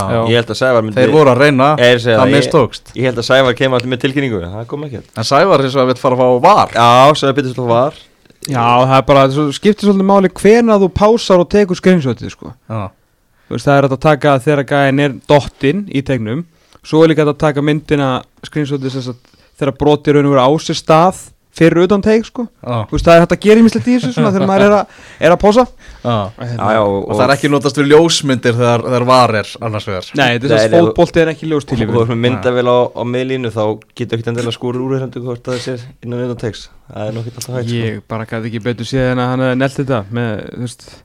Já, en ég segja, var gerist ekki til að vera meina kameru sko. Það fara- Nei, nei, þú veist, það var aldrei verið í þessu. Var það, það var verður, sko, sko. Veist, Ég er alveg, ég væri til að hjólin Sko, ég er náttúrulega skuttlaði var í handbóltan bara með tímabili, Já, sko að já. ég væri til að gera líki í já. Og þó að sé bara nokkur leikjum Þetta er bara sjónvarp, maður, hvað, hvað er þetta En Óli Stefán Flóðinsson Sem að, með þessa geggju húfu hérna Ég að Hann uh, fór heim í gær og áttaði sig á því að hérna, mikið svona hæp í kringum hann og hann er núna búin að vinna eitt fótbolta leika fjórum þannig að Mm. hann uh, settist við reyðvilina og skrifaði pistil inn á káa.is Já, það sem hann er svona að fara yfir, yfir þetta og svona útskýra af hverju í mjög stuttu máli svona, þú veist, við fengum hérna blikar í heimsók töpu 1-0 á víti sem var dæmt á einn af efnilegustu leikmenn á landsins da, da, da, da, da. Eh, Þetta er ekki endur svo byrjun sem við óskuðum eftir er klálega grunnur á spilumennsku sem við getum byggt á til að ná í úrslit á næstu leikjum því að endanum er það úrslitin sem telja. Það sem fær mig til að setjast niður núna og skrifa þessar línur er einfallega þakklæti, þakka fólkinu, leikilatriði sko. Býtum að ég aðeins stoppa Ekki mál? Hva, hva, Hvað sagður? Var dæmt víti, sagðan víti á einn efnilegasta leikmann landsins? Já. Ok Það Það var- er aðeinsverð pæling eða þú veist, er hann þá að tala um Davíð Ingvars? Er ekki, var það ekki Davíð Ingvars sem var braut? Jú. Nei, dæmt á. Skilur Já, já, já, já Það var ekki dæmt vítið það sko. sorry, sorry. Var ekki að- Brynjar Ég held að hann að Nei, um hver braut? Ég held að hann væri að tala um vítaspöndu dómi sem að sagði að Péturs var að tala um. Ah. Já, nei, nei, nei, hann var að tala um ok, að ok. Það segja sinn maður sem að braut Sett nefnilegast leikmaður landsins og allt í lagi. Og hann sem bara þakka fyrir fólki hérna í meðbyrja ekkert mál að mæta og tralla og syngja en í mótlætinu sýnið því hvernig káa virkar. Vel spilað. Uh, og svo var hann að tala um þessa stefnumótur hérna, ég tók þátt í stefnumótur félagsins og vinn eftir þeirri stefnu. Við höfum fulla trú á því að da, félag, í síðustu leikjum höfum við byrjað leikin á sex uppöldum káamönnum við erum í grunnvinn núna á þá eftir að, eftir að skila sér. Líka þú veist, þetta er snið sko, þú veist, fólk fílar alveg þegar það er svona farið direkt til þeirra og hann svona aðeins að útskýra hvað er, hvað er í gangi sko. En Daniel Hafsteinsson var maðurinn sem að braut. Á Daniel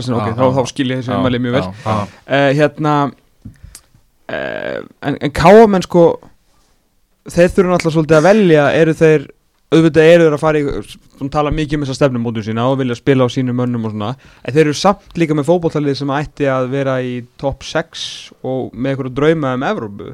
Mm. þannig að Þeir eru kannski full mikið að hugsa um blakið akkurat núna. Þeir eru Eðli- eðlilega. flugu hátt þar í vetur. Wow það er að- auðvitað að snerta sólina í þú þannig að, er hérna, ekki þeir- svona þrenna eða eitthvað? Jó, einstæmi segja, einsdæmi. segja menn mér, fróðir menn. En, hérna, en það er alveg rétt að þeir þurfa svolítið að, hérna, velja að hafna. Og svo er maður að heyra að það verði meiri innspýting í handbóltan á næsta ári ég var náttúrulega að sjá það gerast. Já, en það er allavega það, er, það, er, það, það sem maður heyrir og þá velti maður fyrir sér er það að koma niður á fótboltanum? Og hvo- hvort að það tvistri eitthvað þarna? En eins og ég segi þetta er eitthvað sem að, maður er að heyra en káa ásamt að vera ofar heldur en þetta? Já, auðvitað, auðvitað er að vera orð Við setjum bara að kröfa það. Finnst mér sko. Er, Ég fór í en, en þeir samt í byrjanleginu gær. Já. eru Torfi Tímótiðus Gunnarsson? Og ég veit við hljóminn sem setja á eitthvað niður en þið, að þið vorum bara að tala um að káa að vera hvað? Top 5, top 6 Já, Evrópubaráttu. sérstaklega, sérstaklega var vil- þeim vilja- var þeim ekki spá sjöunda sæti? Ég, ég er að segja það að því að þú veist þið starta með Torfa Tímótiðus sem er góðu leikmaður, ég Mm. minnst að flott múf fjórum að fara að það en, en hann fjall samt með fjölinni í fyrra með Rannarbjörn Steingriðsson sem er svona það er useful player en það er enginn að kaupa treyjuna. Uh, Ímir þú veist, jú, upp, uppalinn strákur sem hefur samt sem að bara verið meira um enn í aukalutverki hérna og Andri Fannar Stefánsson sem er búin að vera auka leikmaður auðvitað náttúrulega í frábærlegi vals í, í ansi langan tíma. Síðan náttúrulega auðvitað er með flotta leikmenni Haukeðar, Daniel Hafsteins, Elvar skilur, en helmingurinn að liðinu nánast er bara, þú veist, og náttúrulega Aron Dag Birnusson sem er að gefa trösti í markinu sem er líka flott Það sem en, er en, í þessu en með, þú veist, 5-6 leikmenn í byrjunleginu sem að er ekkit einhverjir gæjar sem að þú myndir vera vel í lið sem á að vera í Evrópubaráttu, sko Nei, nei, og þú tekur Gauði Lýs út rétt fyrir mót Þú tekur. Hallgrim Jónasson Hann er búin að meittur Haukur Heiðar er búin að vera meittur Mhm. Þetta eru tveir Gauður sem hafa voru í landsliðinu Mhm. Og eiga að vera frá máttastofbarina mm Þetta er það sem er staðin. Þeir eru bara að missa allt og stóra pósta Til einmitt að geta gert einhverja alveg hluti. Og svo ætlar að tala um breytt að það er, veist, það er flott að káa geti hérna, stilt upp allan svona góðu hérna, byrjunliði, en það er náttúrulega er erfiðara í fótboltaheldur en á öðrum íþróttum að- að vera með breytt út, út á landi. Sæður Olgersson Alessandri Grófen sem átti nú að vera þú veist, veit ekki hvernig töluðum hann hérna undirbúinustíðinbílun átti að koma inn í hennan vinstri vangbakur og bara vera besti maður heims.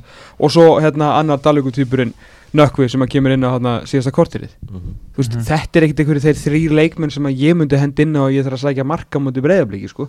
þannig að þú veist, Káa er líklega bara sjönda sætið sko. Mhm. Þú veist, annað finnst mér bara, bara dundandri pluss fyrir það sko. Já, ég meina, ef þeir eru þar, ég meina, top 5 eru, sem við talaðum fyrir mót þar bara þessi fylgir og ía svona með Já. þannig að við veist- sjönda þannig- bara verið nokkuð Mhm. fínt sko. þannig að ég var, þú veist, þannig að þessi stefnu þessi stefnu hjá Káa, bara fín. 5-6 uppaldir þú veist, þeir eru að spila aðeins betri fótbolta heldur en það hafa gert, skilur, þú veist, eru meira þú veist, aðeins meira með boltan og gera aðeins meira við hann. Auðvitað þurfa náttúrulega að vinna fótboltaleiki að sjálfsögðu á endanum snýst þetta allt um það. Mhm. en ég, ég- held að það væri alveg galið fyrir Káa að vera að gera sér drauma um, um Evropasæti í ár sko, með við liðin sem eru fyrir ofað og, og bara með hennar leikmannahóp sko, þeir eru Mm. svona öllur að bóttum Já, hvernig aðdraðin hefur verið fyrir mót og taktur í bautafönnu. Ég veit ekki hvort það fólk muni eftir en í fyrra þá eh, lofaði því að ég myndi ekki fara á einn einasta leik í Pepsi-deildinni í Eilsöllinni og ég stóð við það. Ég sagði það einna að ég myndi fara á einn leik í kórnum og ég er búinn að fara á hann. Ég fór á, Búin að eyða honum. Ég er búinn Og að eigða honum. eittir hann líka í kvöld, það var 17 sko, það, veist, það var modla Herru, ég fór á jakkanum með það, með drullu heitt. Það er fyndið þegar það verður eitthvað svakar og leikur í loka fyrir kórnum. Þú bara situr Já, Já, er ég fyrir utan frí. Setur fyrir utan. Já, já, ég fór á HK IPVF í, í kórnum, fekk hérna hambúrgara frá fóringjanum Henry Birgir Gunnarsson Ertu var- vissum að það fengið hann frá honum? eða? Já, hann var það góður. Já, ég fekk nefnilega hérna hambúrgara í kórtum um daginn og það var álíka spennandi á hambúrgurinn sem ég fekk í Grímsey 2017 ah. það var eins lítil ást lagði þann hambúrgar á ég hef nokkuð tíma síð Það alltaf Broilers King og og allir, allir resir. Sá hefur grillað líka í kórakörunni gennum tíðina. Reynslan sko. Hann, hann færði raun og veru bara grillið um skilur nokkra metra sko. Næg reynslaði á Henry hann á grillinu. Þannig að sjálfsögðu hann kallaði til. Þetta er sniðt múfið háká að fara Já, þarna, með við með við drasl borgarins í fekkarni fyrstum þá þurfti hún ekki að ringi minni grillara heldur en Henry sko. Vörn í sorðana. Háka var miklu betra liðið í svona leik. Uh. Hvað segir Petró? er, er komið viðtal við Já, Petro? komum við til við hann. Hvað segir- En hvað- okkur hver er fyrirsögnin? Okkur vant að þroska. Nú, það var ekki góður það uh, Viðist ekki vera En Þeir eru búin að skora, Sástu- þeir eru búin að skora eitt fótboltamark já, í Pepsi Max-dildinni Hitt var sjálfsmark. Þeir hann Það er ekkert, mér finnst bara ekkert spennandi við þetta lið, mér finnst ekkert uh, það vantar alveg allan karakter í þetta dæmi sko. Uh, svo líka sem er meðast mjög áhugavert nú var Rafael Veloso í markinu. Hann náttúrulega skiptir á markvörðum. Mm. Hann ekki að það væri engin markverð nummer eitt? Jú, jú nákvæmlega og það- þeir spila bara þeir spila bara annan hvert leik. Svo er hann mikið að ringla og hræra í liðinu og allt það hann er búin að vera með þetta lið inn í þessari eimskipsvöllarni í vestmannum þennan hóp í allan vetur og sko ég veit ekki hvort það hægt að segja að hann sé ekki búin að finna byrjunarliðið sitt hann Pedro eða hvort hann bara vilji ekki finna hvort hann vilji bara spila haldi að með því að vera bara að spila rotation og, og veist, dreifa álægunin að gæsalappa sem er ekki neitt í íslenska boltanum þegar upp er staðið. Nei, nei. Uh, veist, ég, ég veit það ekki þetta var, mér fannst það bara vond uh, Birkir Valur kemur hérna uh, háká yfir með hörku skalla eftir, eftir hotspinnu En nú vil ég fá að vita Nú er vinur minn Gummi Magg Hann, er- Já. hann er hothead og, og hérna var það uppallingarflokkana og svona? Það hefur nú snar róast undan Já, róast mikið og var eignast krakka og svona og var þetta allavega samkvæmt textalýsingu þá er þetta nú ekki raukt sko ég myndi segja appelsinugult ég held að, það? já, mm. ég var svona að leita viðbrað ég sá þetta ekki alveg nægilega vel en það var bara alveg í öklaða eira hvað fólki fannst. Menn var að tala um svona einhvern hann hefði verið með sólan hálfpartin sólan. Ég held að fá ekki mínus frá skýslu eftirlitsmanns hann Egil Arnar sem að dæmdi leikin hann tók sér líka, hann tók sér góðan tími í þetta. Broti kom og það myndaðist svona þyrping og hann svona aðeins slakaði var greinilega með aðstofadómarinn í eironum og, og lifti síðan röðast Þetta gerist eftir tæplega hálftíma. Fram að því Var þetta háká Sástu sá- háká sér í kortunum valdíman Já, bara þeir voru klálega betri. Já. uh, Þannig að IPVF jú, jú átti eitthvað svona smá marktirunir en, en gæðin bara meiri í, í hákáliðinu uh, og þetta, þú veist, náttúrulega ef að háká allar að eiga séns á því að halda sér þess að deild þá þurfa þær að vinna nákvæmlega þessa leiki eins og IPVF í, í kórnum. Og þeir gerðu það bara þú veist og svo var dói sér leikur eiginlega náttúrulega bara í setni háleik sko. Uh, Veloso vinnur okkar er ekki hægt að kenna honum meitni neitt. Hann varði vel hann og Háka átti að bæta við fleiri mörgum í þessum leik. Það vantaði kannski aðeins upp á, upp á gæðin hjá þeim þar, þetta var ekki mesti gæðarleikur eins og þú getur fundið í, í Pepsi Max tildinni en þetta íbjöf vaflið lítur alveg bara virkilega illa út. Einu sem ég hugsaði bara Óýbaraði ná síðan fyrsta sérunum á sundaginn Móti þínum mönnum. Óýbara Mér finnst Áskei Martins virkilega Stór leikur. Já, hann er að taka hotspyrir með hægri og vinstri. Já, bara þú veist, það er, hann er líflugur og skapar mikið og flest allt sem að er í gangi sóknarlega fer í gegnum hann hjá Háka Já, gaman að sjá hann náttúrulega strik. Hvað fær hann mikið í viðbútt? Þú veist, það eru Vikes á sundaginn Segjum að spáum minn gangi upp og, og Vikes pakki þeim saman. Lið sem er með þeim hann í bópartunni Er það talað um Petró? Já. En hvernig ætlar ráðið í staðinn? Bara einhvern einu Já, Steini Gunni, virðist sá Steini Gunn var að hérna, Já, hendur var- fána þannig daginn. Flaka, En er hann ekki komin í stjórn KSI? Já, ég skýtir ekki um máli. Nei En Ég er mjög sett en Ég meina, það er svo sem Again, skiptir einhver máli. Sko, sko, En, ef, sko, að, ef að Páll Magnússon sem fer á alla leiki og var í stúkunni núna Já. ef að hann hugsa bara, heyrðu, shit, það er bara allt í voli hérna og það þarf að gera eitthvað þá verður eitthvað gert hjá IBF Já, já Hann er ennþá kongurinn það Heldur sko, þetta ekki lesturinn sem að gera Birki mótastjórinn sem er að leika að fresta? Þegar að Edda sé með fótballtabúðin nesnafið Það er eitthvað bestur en við Já, það var það þetta geggja Hann tók hérna reyngið það bakka þegar að IPF komst ekki til Reykjavíkur í gær. Nei, Veit það var ykkur það. af hverju það var eða? Var það bara vond í sjóin? Það var bara, Það það- þeir segja að það er En gekk Herjólfur Ég er bara ekki að vinna í einskip Nei. Ég er bara, veit það ekki. Ekki og bara- bara Ég meina, redda. eru þið ekki að vinna? maður gefur mástu það að leiknisliði fóð til eiga fórum hann bara á Löðum okkur í lífsæti til að komast til leið já, já, já, Nú er fólk í Vestmanneim sko að sko sparka í veggi að reyði sko. Ég veit Já. það, en sko er að ég- rannsaka skilabóð það mín til vestmanni ekki alveg vera svona mikil fórnalum mingið það aðeins. Mm. það er bara, það er þannig. En þú veist það eru Vikes næst. Eftir það káa úti Fjölnir í byggarnum Nei, betur, hvernig er landslíkillið? Það er eftir, það eru tveir leikir eða ekki og svo er Landsleikirnir eru- Mánamót landsleikinnir eru Sjönda er áttunda og Já. Nei, það er, það er slatt eftir Það er vikingur Það eru, þrýr er leikir, þrýr og byggar Já, þrjir leikir og byggja, já, það stemir. Heitasta sæti Petró Já, en enn og aftur, ég bara sé ekki Hvað er Sko- Ian David að gera þess að hana? aðstofan Já, ok, það var að komið Næsta mál. En allan megið þetta hvernig út kannalandsliðinu Þetta er ekki landslið bara einn í handbólta sko Ég held að með nú alveg Ég er ekkert viss, ég meina, hefði hann þá ekki bara gert það? Nei, Þú veist, hefði hann þá ekki nei. honum var ekki búið það Jess var bara mættur að loka og svo kom Já. bara Petru upp á kökunni og bara svitt sko. Já, já. Jeffs vildi vera aðal þjálfar íbjöða fyrir hún Svo var ekki búið Já, það- samt ekki, þá- þeir megið samt ekki gleyma því að leikmenn fram dyrkuðu Petro Hippolito og sagan, menn ber honum söguna vel og þetta hef ég heyrt frá þetta hef ég en heyrt frá það þarf að fara heyrt inn á fótboltavettinum Já, en honum til va- varnar alveg ótrúlegt að hann fer hann á fram með allt þetta dót sem er í gangi utan allar þar, Mhm. ekkert aðhald og engin stjórn og, og rót og eitthvað fer til íbjöða að fóra sami í gangi Já, Mm. engin stór engin stjórn og, og Já. hérna, fáir sem að vera að koma að þessu svona að einhverju viti en það stemmingin alveg talsvert meiri fyrir, fyrir handbóltanum á, hérna, á eiginu virðist vera og mm. það nennir enginn að mæta á fótboltaleiki og eitthvað svona. Þannig að það þarf eitthvað það þarf eitthvað alvöru PR stönd þarna til þess að aðeins að rífa þetta upp og Heyrðu, þannig er, er Aðeins með Já. Arna Gretas Já, já. Ég fór hérna já, það, það, það, þar eru við konum með laust skilur uh, Rósa þá Fyrir fyr- fyrsta sigurinn í, í sumar. Ég fór hérna Vesli matinn í bónus í Mólisbæ Eftir hátæði dag Heiti þar Arnafri Ólafsson Markur Háka Já.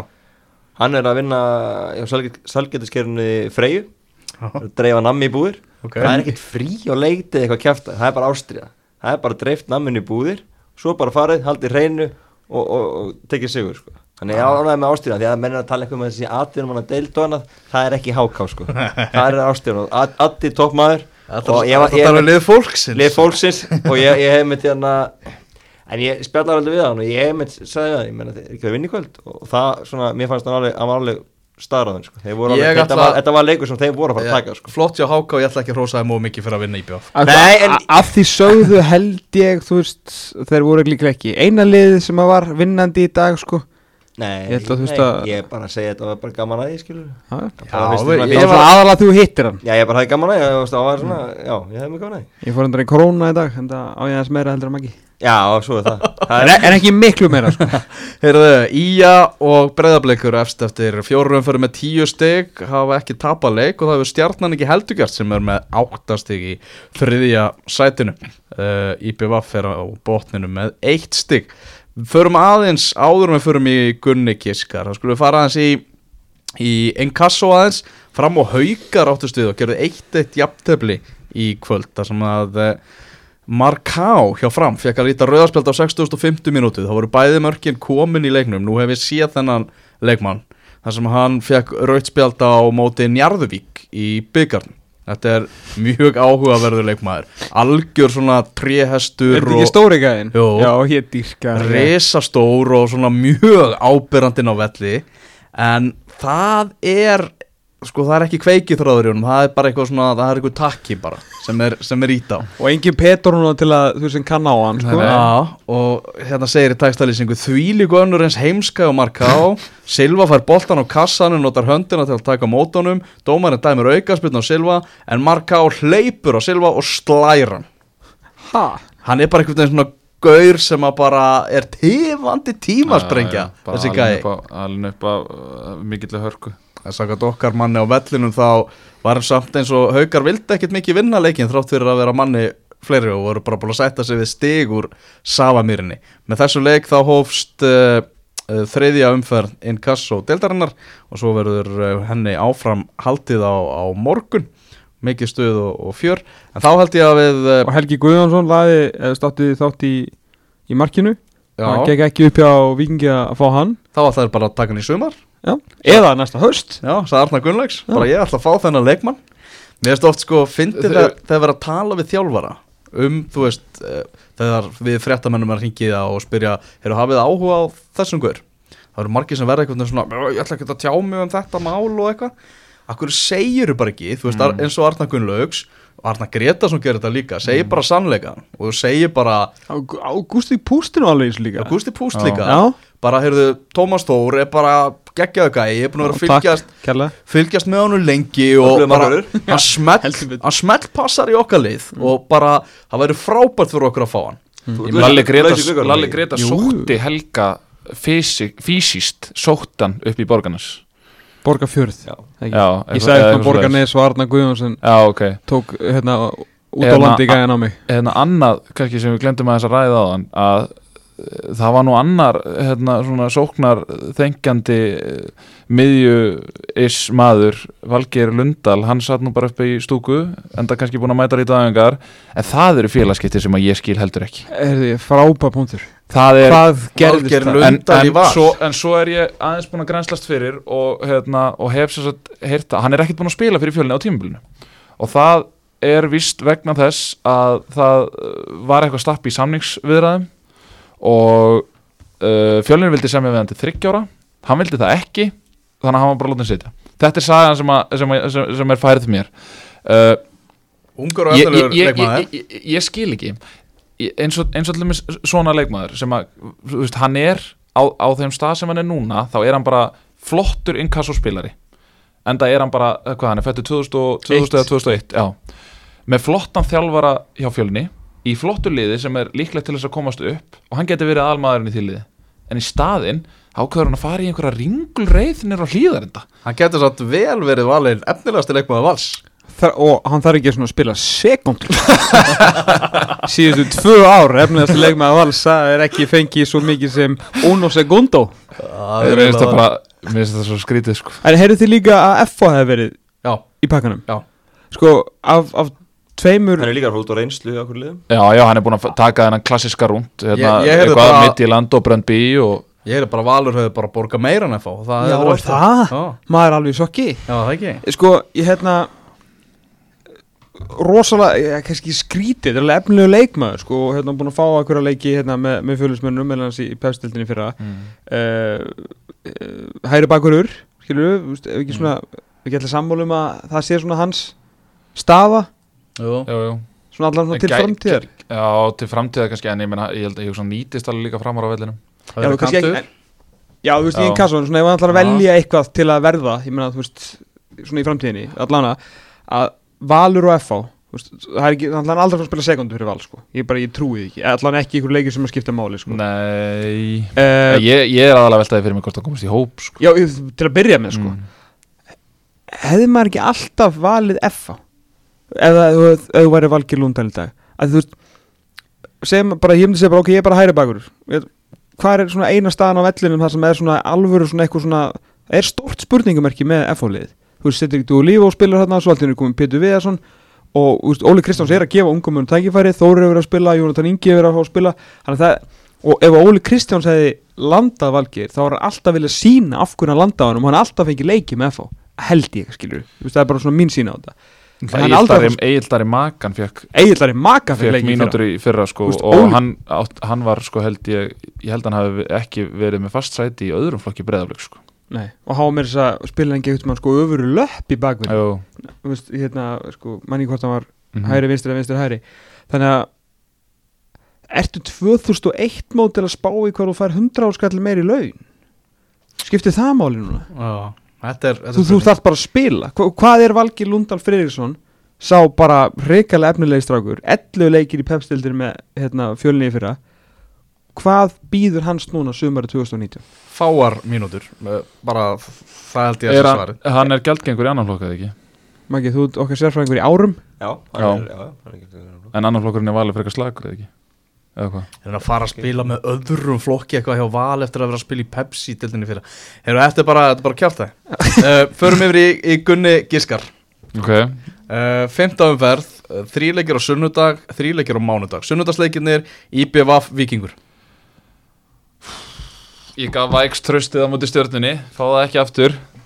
Þetta er X. X. Veitu hvað sagður, vikingur IBVF Víkingur.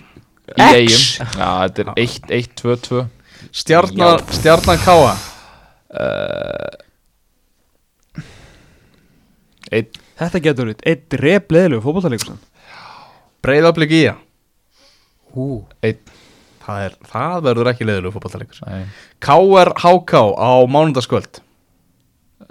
Einn. Grindavík Fylkir. X. FH Valur. Þetta er erfitt sko FH Valur uh, Pétur hans Viðars í stór stigi búið þarna eftir uh, Hefna fyrir Tvo slæma leiki Tveir Tveir mm. Er nú bara þannig Hefur þetta verið tekið saman hjá Gunna? Er þetta bara svona að ferið út í tómið? Er ég tók þetta saman Þetta er 82% rétt Já, nákvæmlega. Það sem getur ekki verið. Er helviti gott. Það verður að segjast Bara þetta því er- minna sem að Og því nátt- betra Þetta Og er bara- náttúrulega virtur Gríðarlega virtur. Það er fólk að koma upp að mér og 82%? hrósa mér. Já fólk er ah, að Ok, koma og lífið, ég hrósa tók mér. þetta ekki saman. Svona Nostra- Shit, ég ætla að segja Nostradamus. Ish, eitthvað. 82% Það er þannig Þá er alltaf miljardamæringur sko. Heyrðu þig, áallt Ég ánægða hef bjargað fjölskyldum, heilu fjölskyldunum sko. Bara með 13 réttum sko. Við verðum hérna aftur á mánudagskvöld eftir að 50 umferðinni. Líkur. Takk fyrir að hlusta